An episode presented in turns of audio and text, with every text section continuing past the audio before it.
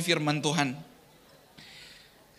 Oke, teman-teman, di bulan ini kita akan memasuki uh, bulan Natal, teman-teman. Di mana selama beberapa minggu ke depan kita akan sama-sama meneliti firman dan kita akan mendengar tentang the greatest gift. Coba bilang kiri kanan, the greatest gift. Ya, hadiah yang paling besar buat kita teman-teman. Dan ini bukan nggak lain dan nggak bukan bicara tentang Yesus Kristus yang lahir di hati kita teman-teman. Menyuruh malaikat Gabriel pergi ke sebuah kota di Galilea bernama Nazaret. 27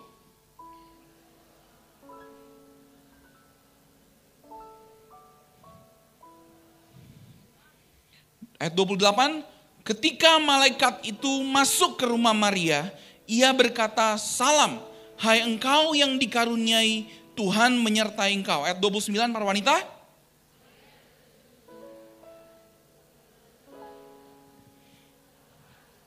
Ayat 30, kata malaikat itu kepadanya, jangan takut hai Maria, sebab engkau beroleh kasih karunia di hadapan Allah. Ayat 31,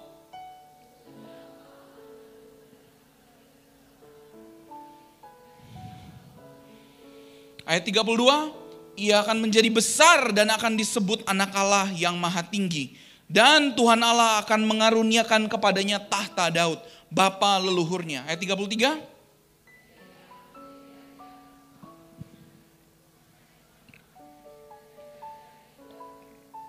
Ayat 34. Kata Maria kepada malaikat itu, bagaimana hal itu mungkin terjadi? Karena aku belum bersuami. Ayat 35.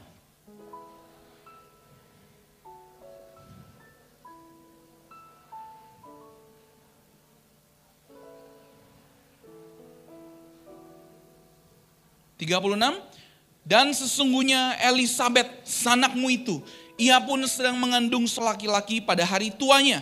Dan inilah bulan yang keenam bagi dia yang disebut mandul itu. Ayat 37. Ayat 38 kita baca sama-sama teman-teman. Satu, dua, tiga. Kata Maria, sesungguhnya aku ini adalah hamba Tuhan. Jadilah padaku menurut perkataanmu itu. Lalu malaikat itu meninggalkan dia. Teman-teman, kisah Lukas ini teman-teman di Lukas 1 ini membicarakan tentang bagaimana Maria dijumpai oleh malaikat Gabriel dan kemudian diberitakan bahwa ia akan mengandung Tuhan Yesus ya. Dan percakapannya seperti kurang lebih yang tadi kita baca dan endingnya Maria berkata ia uh, dia ia apa namanya jadilah kepadaku sesuai yang kehendak Tuhan teman-teman. Ya Marianya nggak perlu dikasih penekanan tadi ma, jadi Mario itu teman-teman berubah. Nah ini teman-teman di Lukas 1 ini kalau teman-teman baca sebelumnya Maria sebelum Maria ini ada uh, Elizabeth ini juga mengandung dan dia mengandung juga sama teman-teman lewat divine conception. Jadi lewat pembuahan ilahi seksual karena Elizabeth itu sudah tua umurnya kalau kata firman Tuhan teman-teman. Dan ia mengandung Yohanes Pembaptis yang kemudian teman-teman akan lahir mendahului Yesus dan membuka jalan bagi Tuhan Yesus. Nah, enam bulan kemudian, enam bulan kemudian ini adalah kejadiannya Maria yang tadi kita baca teman-teman. Ya, dari Nazaret gitu kan.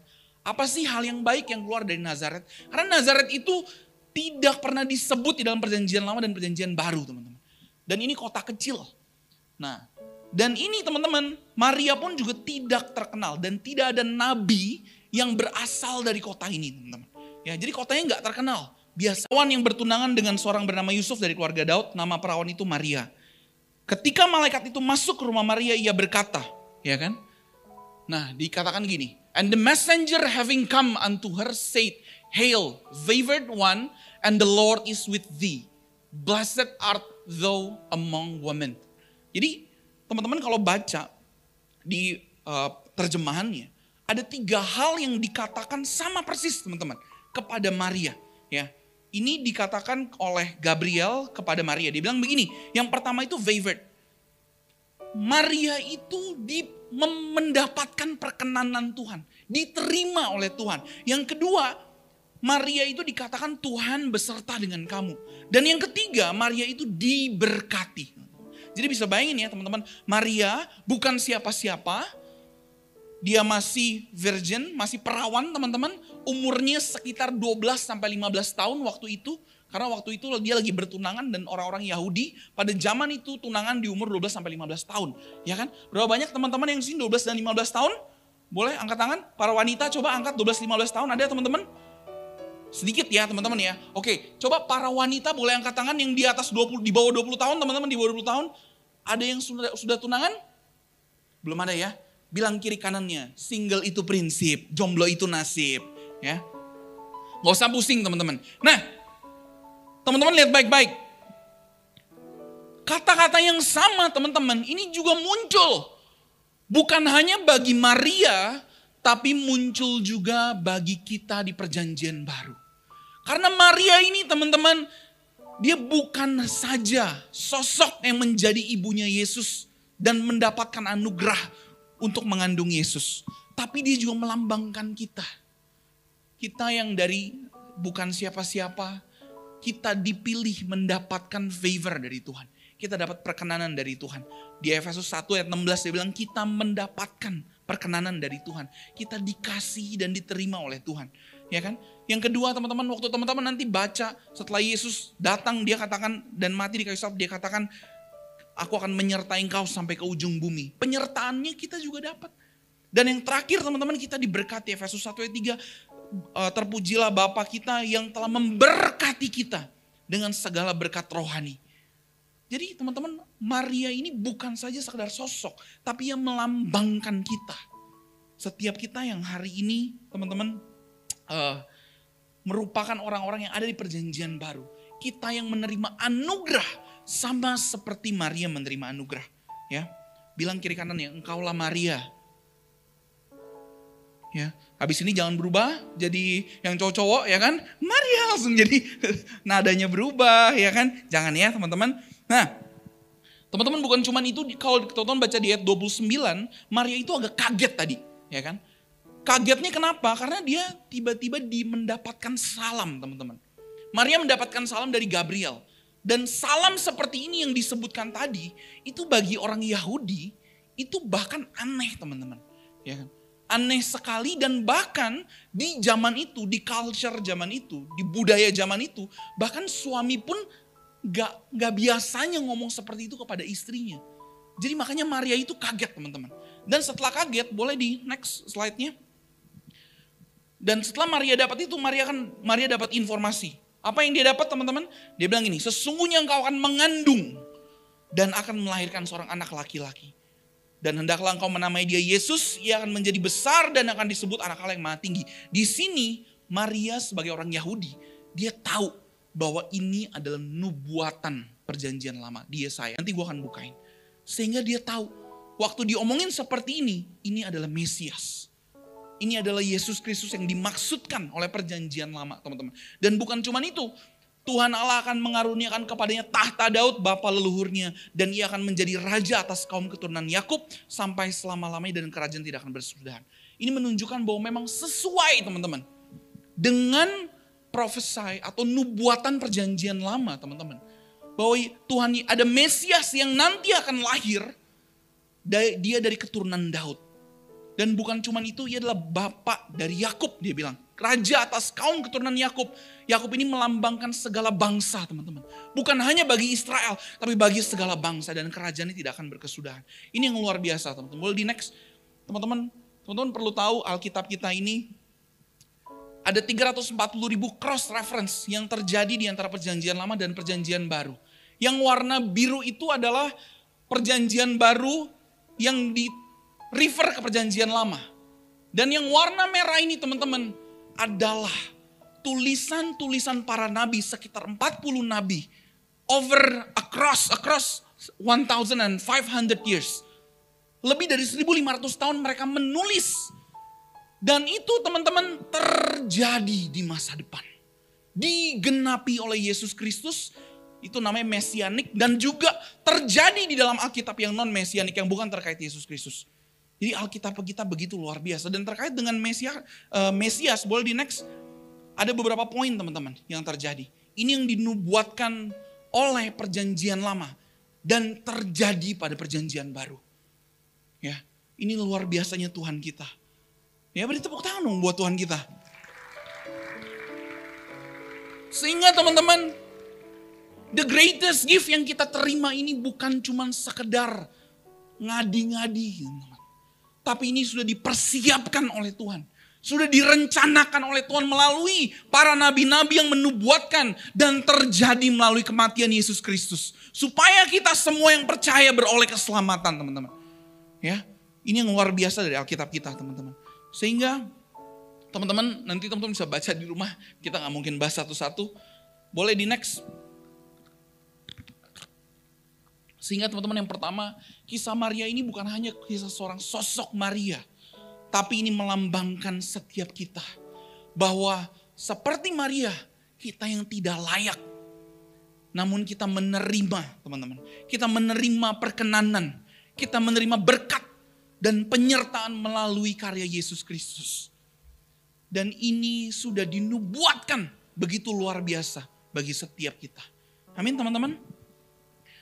Boleh di next yang kedua. Yang kedua teman-teman, kita akan lihat satu poin grace that strengthen. Kasih karunia yang menguatkan setiap kita. Boleh di next slide-nya. Teman-teman, gue akan bacain ulang uh, satu, tiga ayat terakhir. Dia bilang begini, tiga ayat di Lukas 1 ini. Dia bilang gini, kata Maria kepada malaikat itu, bagaimana hal itu mungkin terjadi?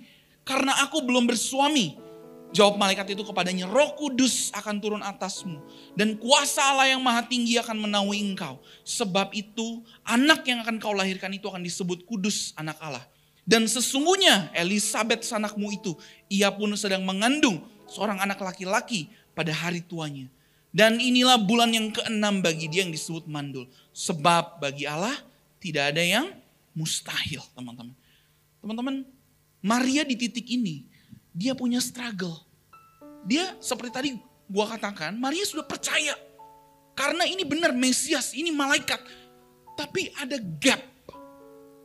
Ada jarak antara yang dijanjikan oleh Tuhan, kasih karunia yang diberikan, dan realitas sekarang teman-teman. Sehingga Maria tanya, bagaimana? Ya kan? Dia karena menurut pemikiran dia nggak mungkin terjadi. Karena aku belum bersuami. Nggak mungkin bisa lahir. Ya kan, tapi kata malaikat itu roh kudus akan turun atasmu. Dan kuasa Allah yang maha tinggi akan menaungi engkau. Teman-teman, ini juga sama seperti kita. Di banyak kejadian kehidupan kita, kita sulit sekali untuk lihat apa yang Tuhan sudah berikan buat hidup kita. Kita selalu bandingkan dengan realita yang kita jalanin sekarang. Tapi sesungguhnya teman-teman, ini dia. Yang akan memampukan kita adalah, tadi di ayat 35 dia bilang ini, roh kudus akan turun atasmu dan kuasa Allah yang maha tinggi akan menaungi engkau. Ini persis seperti yang terjadi ketika Yesus mati, dikubur, bangkit. Dan waktu murid-muridnya bilang, Tuhan kami ini seperti yatim piatu. Tuhan bilang katakan apa? Aku akan berikan rohku. Akan turun ke atas kamu. Dan menaungi engkau. Dan kamu akan menjadi saksiku. Ya kan? Di Yerusalem, Yudea sampai ke ujung bumi. Teman-teman, proses kehidupan kita, kita akan selalu dipimpin dan disempurnakan oleh roh kudus. Kita akan selalu ada di realita kehidupan kita versus realita yang Tuhan berikan. Realita yang Tuhan berikan ini bicara bahwa hidup kita sudah ditebus 100%. Realita yang Tuhan bicara bahwa kita disempurnakan kita ini sudah dijadikan anak, tapi seolah-olah kok hidup sehari-hari, kok karakter kita jauh rasanya dari sana. Kok jatuh lagi ya Tuhan? Kok khawatir lagi ya? Kok takut lagi? Kok marah lagi? Kok males lagi? Ini memang akan terus terjadi teman-teman. Dan memang ini bukan usaha manusia. Tapi ini adalah pekerjaan roh kudus dalam hidup kita. Ketika kita taat. Nanti gue akan bahas lebih dalam teman-teman. Dan bukan cuma itu. Ini yang menarik. Dan sesungguhnya di ayat 36, Elizabeth sanakmu itu, ia pun sedang mengandung. Jadi seolah-olah Gabriel kasih tahu, malaikat Gabriel kasih tahu, ih itu sanak saudaramu tuh juga mengandung. Itu juga pekerjaan aku. Jadi dia tahu, oh berarti benar. Karena memang di, kenapa di umur 6 bulan teman-teman, kalau menurut beberapa teolog, gue belum pernah hamil dan tidak bisa hamil teman-teman. Uh, tapi kenapa di 6 bulan? Karena biasanya kalau zaman sekarang kan ada USG ya ada apa namanya ultrasonic ya kan. Jadi bisa dilihat nih dalamnya isinya apa. Kalau gue udah pasti lemak gitu kan Kak Jojo. Nggak mungkin ada bayi teman-teman. Nah, kalau sekarang bisa kelihatan ada baby atau enggak gitu kan. Nah, tapi kalau zaman dulu kan belum ada USG teman-teman ya. Nah, jadi mereka biasanya katanya menurut para teolog itu dan culture di zaman itu, kalau mau tahu beneran itu baby atau enggak, nanti lihat di bulan ke-6. Karena babynya sudah bisa interaksi, ya kan? udah bisa diajak tiktokan, ya kan goyang kiri kanan, tet, tenet, tenet, tenet, udah bisa goyang bareng teman babynya. Oh jadi tahu nih ada nih dalam ada baby nih gitu kan, mantep bener gitu. Jadi, nah makanya si malaikat Gabriel udah kasih tahu, ini di umur ke-6 bulan. Jadi seolah-olah malaikat Gabriel tuh kasih testimoni. Ada satu quote yang menarik teman-teman dari John Calvin, bukan John Eliezer ya, John Calvin. Boleh di show di ini slide-nya. Karena ada teman-teman yang lagi ya kan, kan kita kan lagi banyak belajar dari tim Keller ya soal gospel gitu kan. Kak Kevin lagi, iya ini dari tim. Dia pikir tim profetik, oh bukan. John Calvin bilang begini teman-teman, salah satu teolog dan juga pengajar tentang uh, Injil dia bilang gini, though believers are satisfied with the bare word of God, yet they do not disregard any of his work, which they find to be conducive to, to strengthen their faith, that they may not doubt his truth. Testimonies to confirm it are both brought by him from every direction. John Calvin lagi bilang begini, di zaman itu pada murid-muridnya itu memang mereka sudah terpuaskan dengan firman Tuhan. Tapi mereka tidak menutup hati ada pada kesaksian dan kejadian-kejadian ajaib yang menguatkan iman mereka.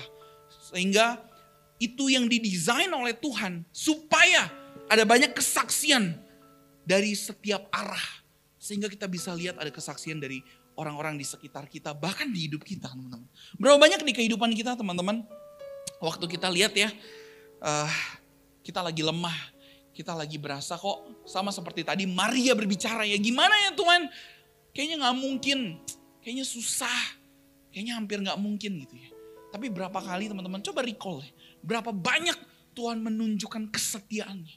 Tuhan menunjukkan kasihnya kepada kita. Dengan memberikan orang-orang yang tepat di sekeliling kita. Dengan memberikan ada teguran-teguran di sekeliling kita pada waktu yang tepat. Dengan memberikan ada banyak mujizat. Ya, gua bukan menu, gua bukan mendorong cari mujizat, apalagi proklamir-proklamir kan sesat teman-teman. Tapi Tuhan kita mampu membuat mujizat. Tuhan kita mampu mengubah sesuatu yang gak ada jadi ada ya kan? Yang ada jadi nggak ada juga nggak bisa. Cuma waktu gue minta lemak gue dari ada jadi nggak ada, belum kejawab teman-teman ya. Dan itu juga salah. Nah, teman-teman sehingga teman-teman, berapa banyak kita bisa lihat kesetiaan Tuhan. Bukan kita yang setia, tapi Tuhan yang setia. Memberikan banyak testimoni-testimoni itu di sekitar kita. Ya kan bahkan ketika kita lihat ya, teman-teman yang kenapa kita diajarkan sampai hari ini di Ibrani dikatakan janganlah kamu uh, menjauhi diri dari pertemuan-pertemuan ibadah. Pertemuan ibadah itu bukan ini teman-teman, tapi komunitas sel, bukan ini aja. Tapi waktu kamu komsel, ketemu dengan orang, kita mengaku dosa, kita mem, kita sungguh-sungguh dengar firman teman-teman. Itu bagian di mana kita dikuatkan. Itu juga kita menerima kesaksian orang lain ke dalam hidup kita. Kesaksian mengenai Injil teman-teman. Ya, Nah makanya kenapa ada ayat itu di Ibrani teman-teman. Gue inget banget teman-teman ada satu kemarin gue baru ketemu sama satu pastor dia di Swiss namanya Pastor Florian ya. Kayak memang kalau bahasa-bahasa agak Perancis tuh keren gitu ya teman-teman ya. Orang-orang kayak apa pound au coklat gitu ya. Kalau diubah ke nasi kalau menu-menu Indonesia kan nasi uduk jadi nasi uduk ada ada itu ya. nasi goreng ya kan. Padahal nasi goreng gitu kan kesomrang gitu ya. Bahasa-bahasa Perancisnya ampun dah gue gitu ya. Nah, nah, dia orang Swiss teman-teman, tapi dia mengabdikan dirinya sebagai utusan misi. Dia pergi ke daerah sekitar daerah uh, daerah-daerah yang remote places, area-area terpencil. Suatu kali teman-teman dia cerita, dia cerita sama timnya nih waktu itu bareng sama kita. Dia cerita, uh, dia datang ke satu desa yang remote, terpencil. Dan di situ tuh ahli okultisme dan satanis teman-teman ya. Okultisme tuh kepercayaan-kepercayaan yang wow ilmu-ilmu gelap ya kan. Dark magic gitu teman-teman ya kan. Eh, nah di situ teman-teman dia bilang mereka doa selama tiga bulan teman-teman. Tiga bulan itu mereka berdoa dan mereka dapat hatinya di sana. Tapi mereka bingung, bagaimana ya kita bisa jangkau orang-orang yang di sini gitu ya. Teman-teman bingung, udah gitu ini okultisme-okultisme semua gitu kan. Suatu kali mereka bingung, ya udah kita coba deh panggil orang-orangnya aja aja ke sini. Mereka bikin poster selebaran, alamilah kuasa Tuhan ya kan. Wah teman-teman datang, ada 100 orang datang teman-teman. Itu satanis dan okultisme semua ya kan. Nah, udah udah pakai apa namanya, jimat-jimat keren gitu kan. Udah kayak Naruto itulah bikin Rasengan. Jadi kayak, oh ya enggak ya. Nah itu itu bumbu-bumbu teman-teman ya. Nah waktu udah ngumpul beneran datang dia kaget. Karena udah banyak juga nih gitu kan terus mereka main itu loh. Waduh ini agak bahaya nih. Yang tau gak sih yang kalau di Indonesia tuh kayak Huah, gitu kan yang jatuh. Ya. Huah, itu keren gitu ya kan. Wah, gue gak, gue tidak bilang apa pun, gue gak tahu itu bener atau enggak ya kan. Nah cuman di bayangan gue mereka lakukan itu, wah gitu kan. Enggak ya. Nah mereka ngumpul teman-teman bingung mau ngapain. Karena dia bilang begini, eh, kita mau ngapain gitu kan. Karena mau ngomong Injil, juga mereka juga belum percaya, belum mengerti teman-teman. Akhirnya dia bilang begini, dia lihat ada salah satu orang, kakinya tuh pincang sebelah. Terus dia datangin, dia bilang, Pak boleh nggak kami berdoa buat Bapak pakai nama Yesus? Boleh gitu kan, emang bisa sembuhin gitu kan. Ya kita doain aja Pak gitu kan, Tuhan kami bisa menyembuhkan pada waktunya.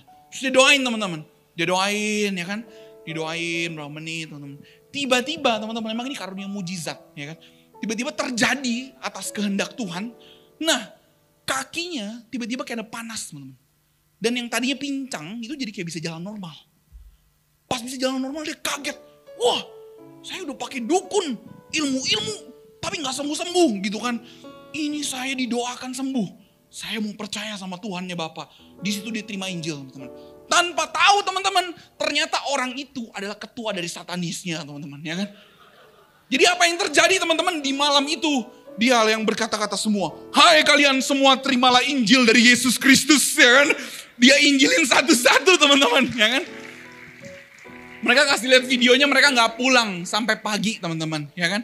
Sama Kak Kevin Bible study 3 jam, ini 12 jam nggak pulang-pulang teman-teman. Sampai pendeta bilang gini, ah saya pulang duluan ya, dia tutup duluan teman-teman. Ya kan, hari itu datang 100 orang, minggu depan mereka kumpul lagi 250 orang. Kemarin mereka cerita dua bulan lalu terakhir, itu ada 500 orang mereka rintis, ada 7 gereja di sana teman-teman. Beri tepuk tangan buat Tuhan kita dong. Ya, betul. Orang-orang itu terima Yesus dengan luar biasa. Tapi teman-teman tahu gak siapa yang dibakar dari kesaksian itu? Orang-orang yang berdoa sungguh-sungguh. Orang-orang yang tadi melayani. Waktu mereka melihat kesaksian di depan mata mereka. Saya terima Yesus. Wah, teman-teman itu ngebakar hati mereka. Walaupun mereka udah lama, mereka sungguh-sungguh melayani Tuhan. Tapi teman-teman ya, waktu teman-teman mendengarkan kesaksian Injil. Bukan hanya cerita orang, tapi Injil yang sungguh-sungguh mengubahkan hidup orang. Teman-teman pun dibakar, kita dikuatkan. Nah ini yang terjadi. Waktu malaikat Gabriel juga nyatakan bahwa, hei kamu tuh gak sendiri. Di sini juga saudara-saudaramu juga terjadi mujizat. Dan ada rencana Tuhan buat kalian. Ini juga menguatkan Maria.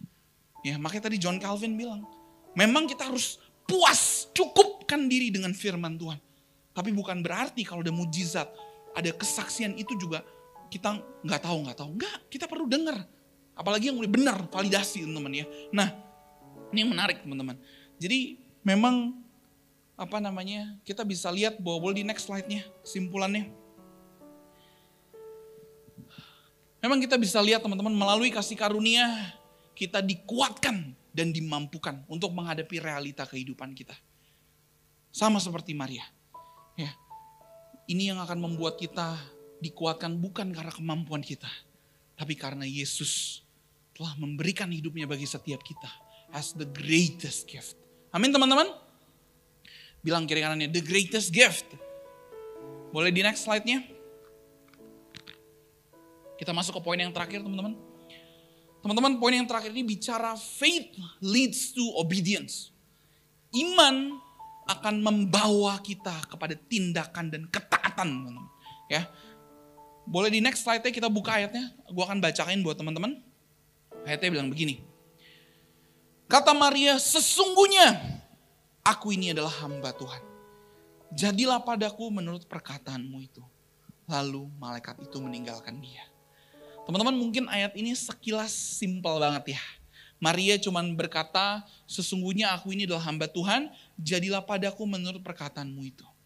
Tapi teman-teman kalau teman-teman mengingat kembali konteksnya, bahwa Maria pada umur itu 12 sampai 15 tahun teman-teman. Wanita, lagi tunangan teman-teman.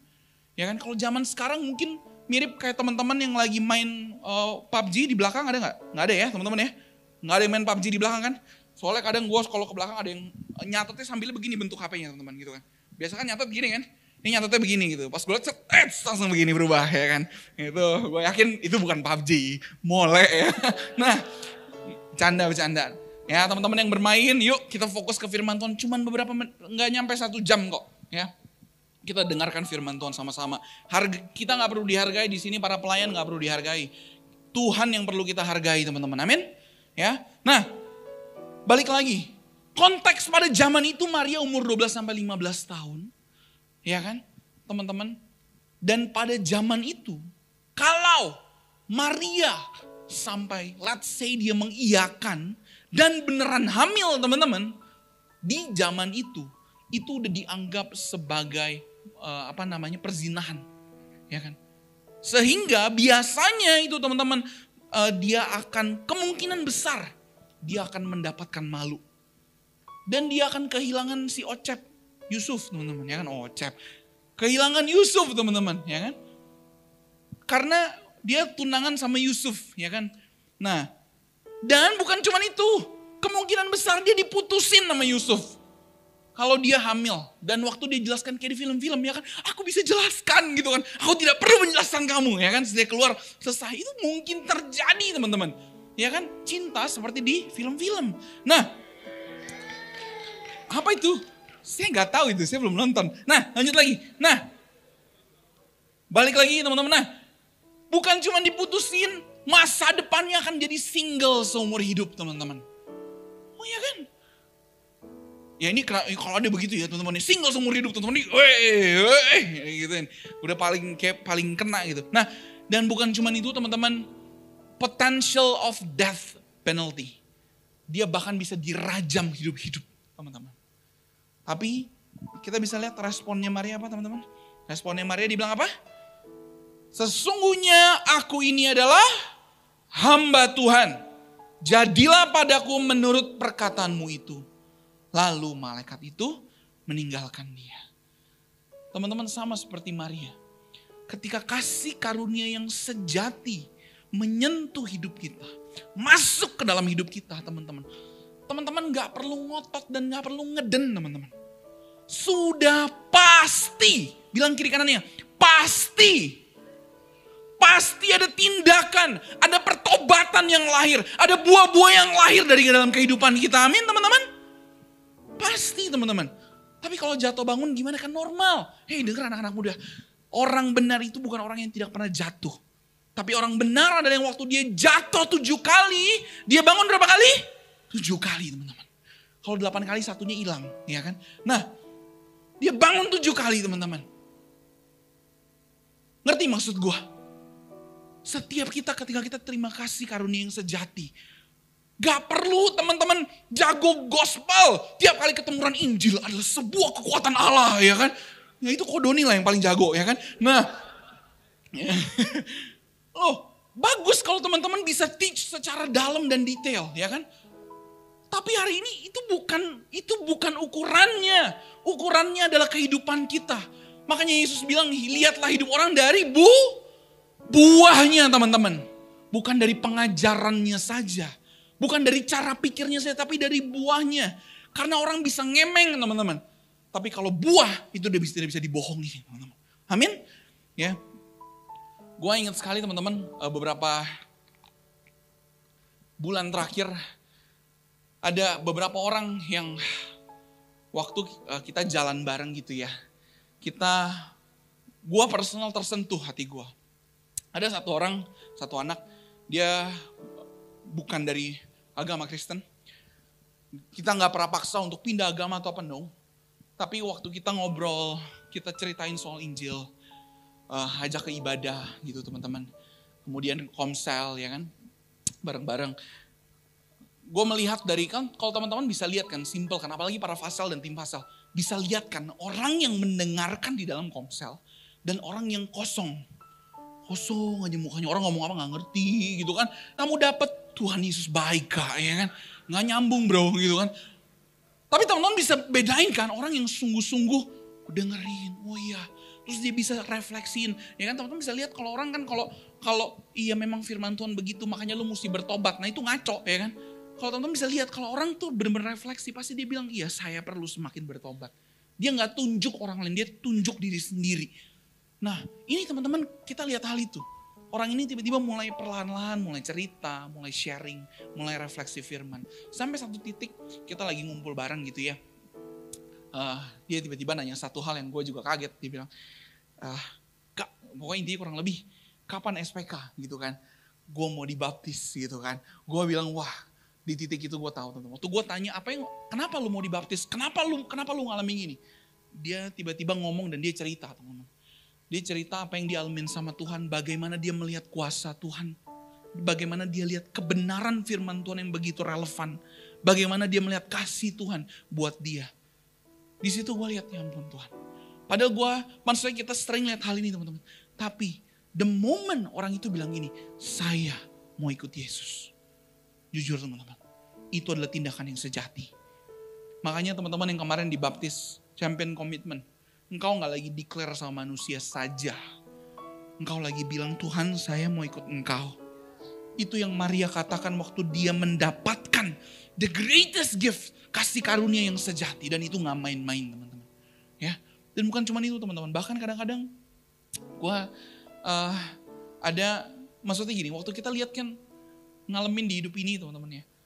Untuk kita ngikut Yesus lagi, sekarang teman-teman to be honest, ada banyak sekali teman-teman.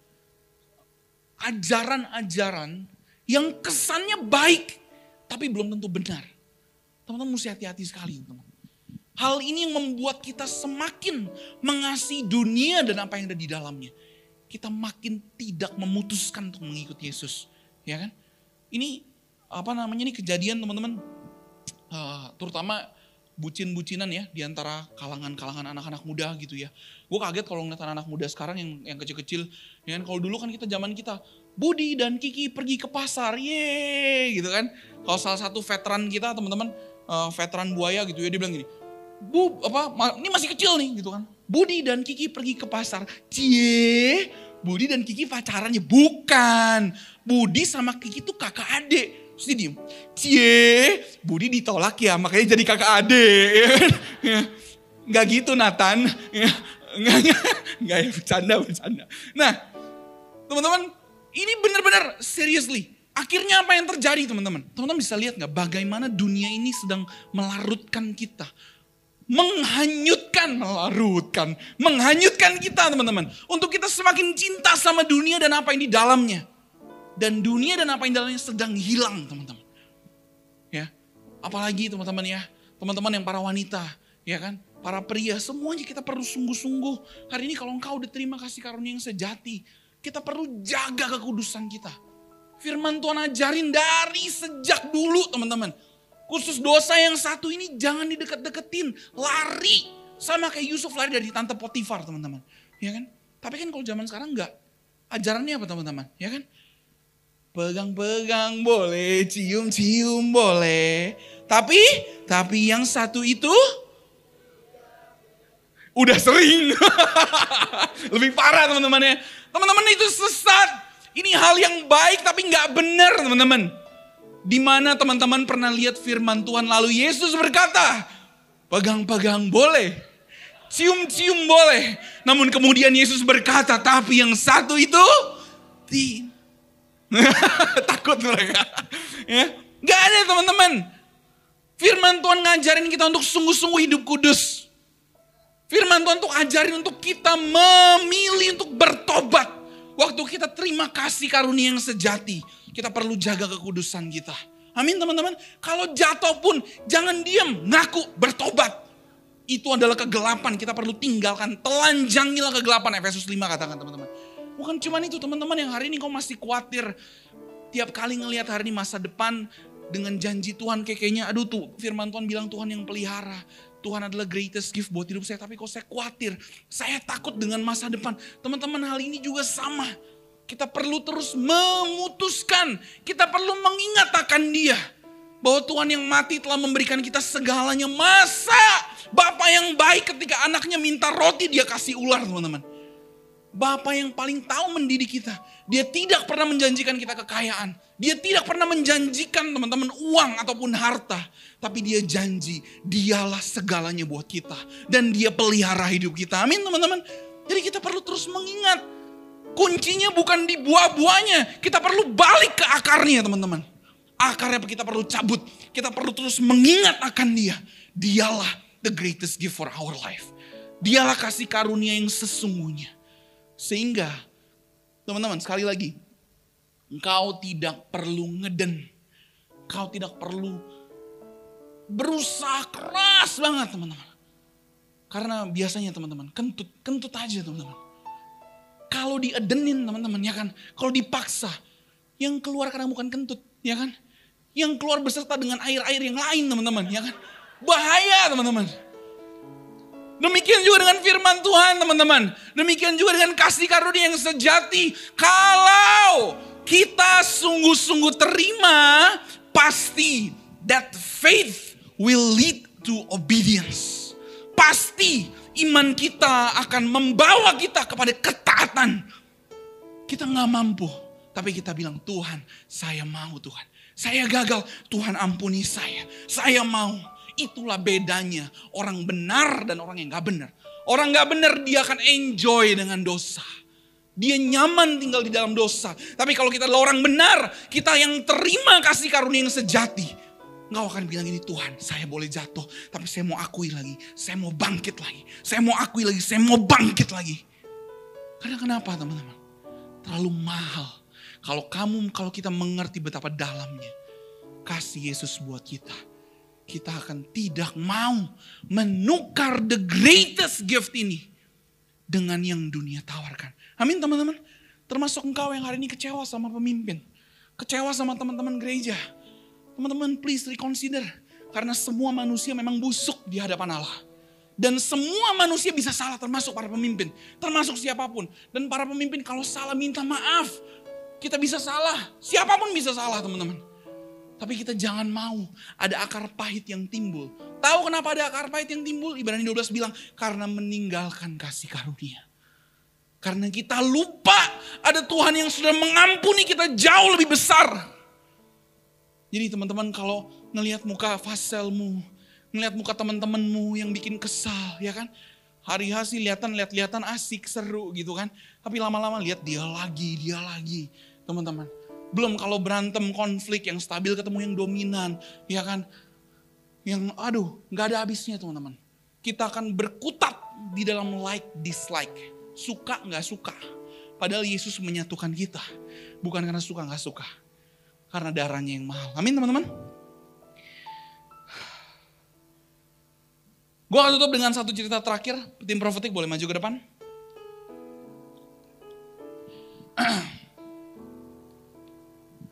Teman-teman tahu satu lagu ini, lagu ini lagu himne lama.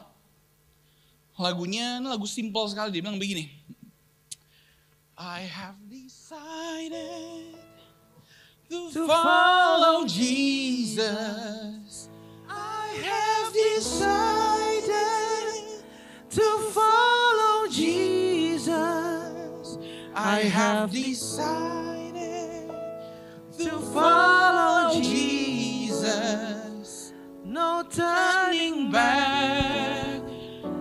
turning back. The cross before me, the world behind me. The cross before me, the world behind me. The cross before me, the world behind me. No turning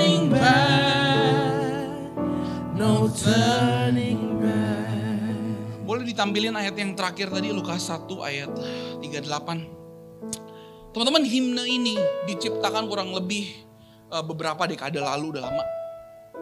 Yang buat itu adalah terinspire dari orang India teman-teman. Karena ceritanya waktu ada misionaris yang datang ke daerah pedalaman India ini, mereka coba menangkan waktu ada satu orang teman-teman, satu keluarga.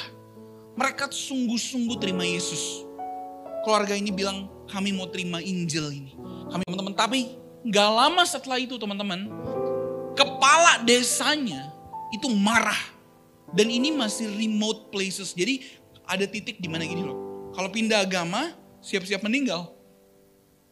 Dan yang terjadi teman-teman, satu keluarga ini teman-teman, mereka di uh, kerubungin sama kepala desa dan juga oleh para anggota-anggota desanya teman-teman, para tetangga. Dan dia tanya gini, kamu masih percaya Yesus nggak? Kalau enggak, kalau kamu percaya Yesus, kita ancam. Dan ini nyawa taruhannya. Orang itu bilang gini, dia suami istri dan juga dia punya dua anak. Dia bilang, ya ini baru percaya loh teman-teman. Tapi karena begitu dalam dia percaya. Dia bilang begini, saya percaya. Ya kan? Dia tak dia sekali lagi dia bilang, kalau kamu masih percaya, saya bunuh anak-anak kamu. Ada dua anak di depan dia. Dia mulai nangis, dia bilang gini, I have decided to follow Jesus. No turning back. Dan benar teman-teman. Orang-orang itu mereka mulai eksekusi, mereka ambil panah teman-teman. Dan dua orang dipanah. Anaknya meninggal dua-duanya. Suami istri itu mereka jerit, mereka nangis. Ngelihat anaknya berdarah-darah dan meninggal di depan mata mereka. Dan yang kedua dia tanya bilang lagi. Jadi gimana? Kamu masih percaya Yesus enggak? Suaminya bilang, tanpa dia ketakutan. Do none go with me still I will follow. Walaupun gak ada yang pergi bareng sama saya, saya akan tetap ikut Yesus. Dan seketika, di panah yang kedua, istrinya meninggal di depan mata dia. Suaminya menangis sejadi-jadinya. Teman-teman. Dan terakhir, you already lost your wife. Udah kehilangan istri, masih mau percaya sama Yesus. Dan dia bilang, I do believe. No turning back. Dan benar di titik itu dia dibunuh. Dia mungkin memulai. Dia percaya sama Yesus. Dan dia mendapatkan persekusi. Ancaman bahkan sampai kematian. Tapi dia menyelesaikan imannya di surga. Amin teman-teman. Hari ini berapa banyak teman-teman yang pernah di ditembak atau dipanah di depan muka gitu ya. Ditantang percaya Yesus atau enggak. Gue yakin gak ada. Tapi kalau sampai itu terjadi teman-teman. Would you still say, I have decided to follow Jesus. Sama seperti Maria berkata, sesungguhnya aku ini adalah hamba Tuhan. Jadilah padaku menurut perkataan Tuhan. Setiap kehidupan kita ditantang bukan bukan saja menerima dengan nyaman, tapi kita ditantang untuk menjadi murid-murid yang radikal menjadi ciptaan baru. Di mana oleh kasih karunia kita sungguh-sungguh bertobat. Kita sungguh-sungguh berbuah. Berapa banyak teman-teman hari ini kau bilang, saya nggak bisa jawab. Saya bingung. Tapi lewat pemberitaan firman ini saya sungguh-sungguh mau untuk bertumbuh di dalam Tuhan. Hari ini biar firman itu masuk ke dalam hati kita. Mari kita pejamkan mata kita. Makasih Tuhan.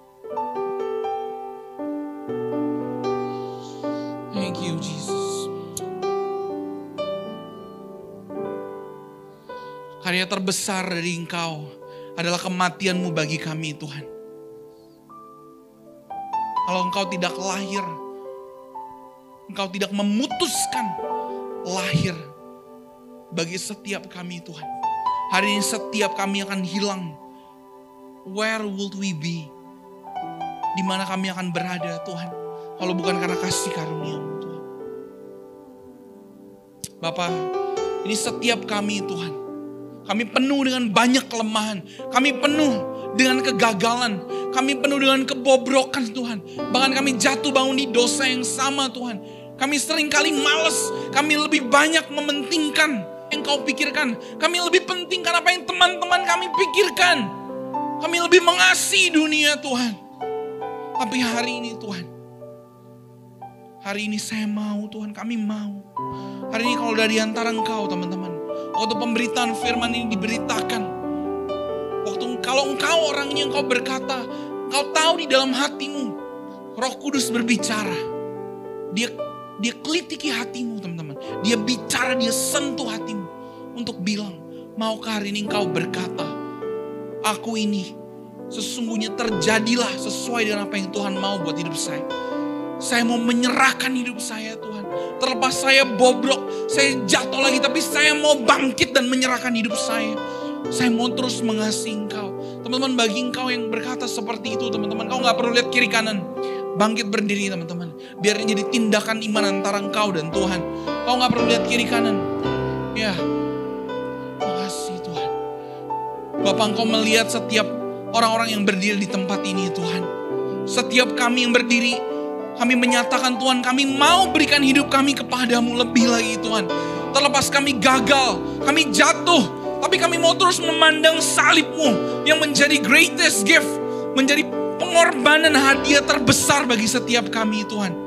Biar hari ini Tuhan kau yang memampukan setiap anak-anakmu. Mereka tidak mampu, tapi kasih karuniamu melawan setiap anak-anakmu Tuhan. Terima kasih Tuhan. Mari kita nyanyikan lagu ini sama-sama.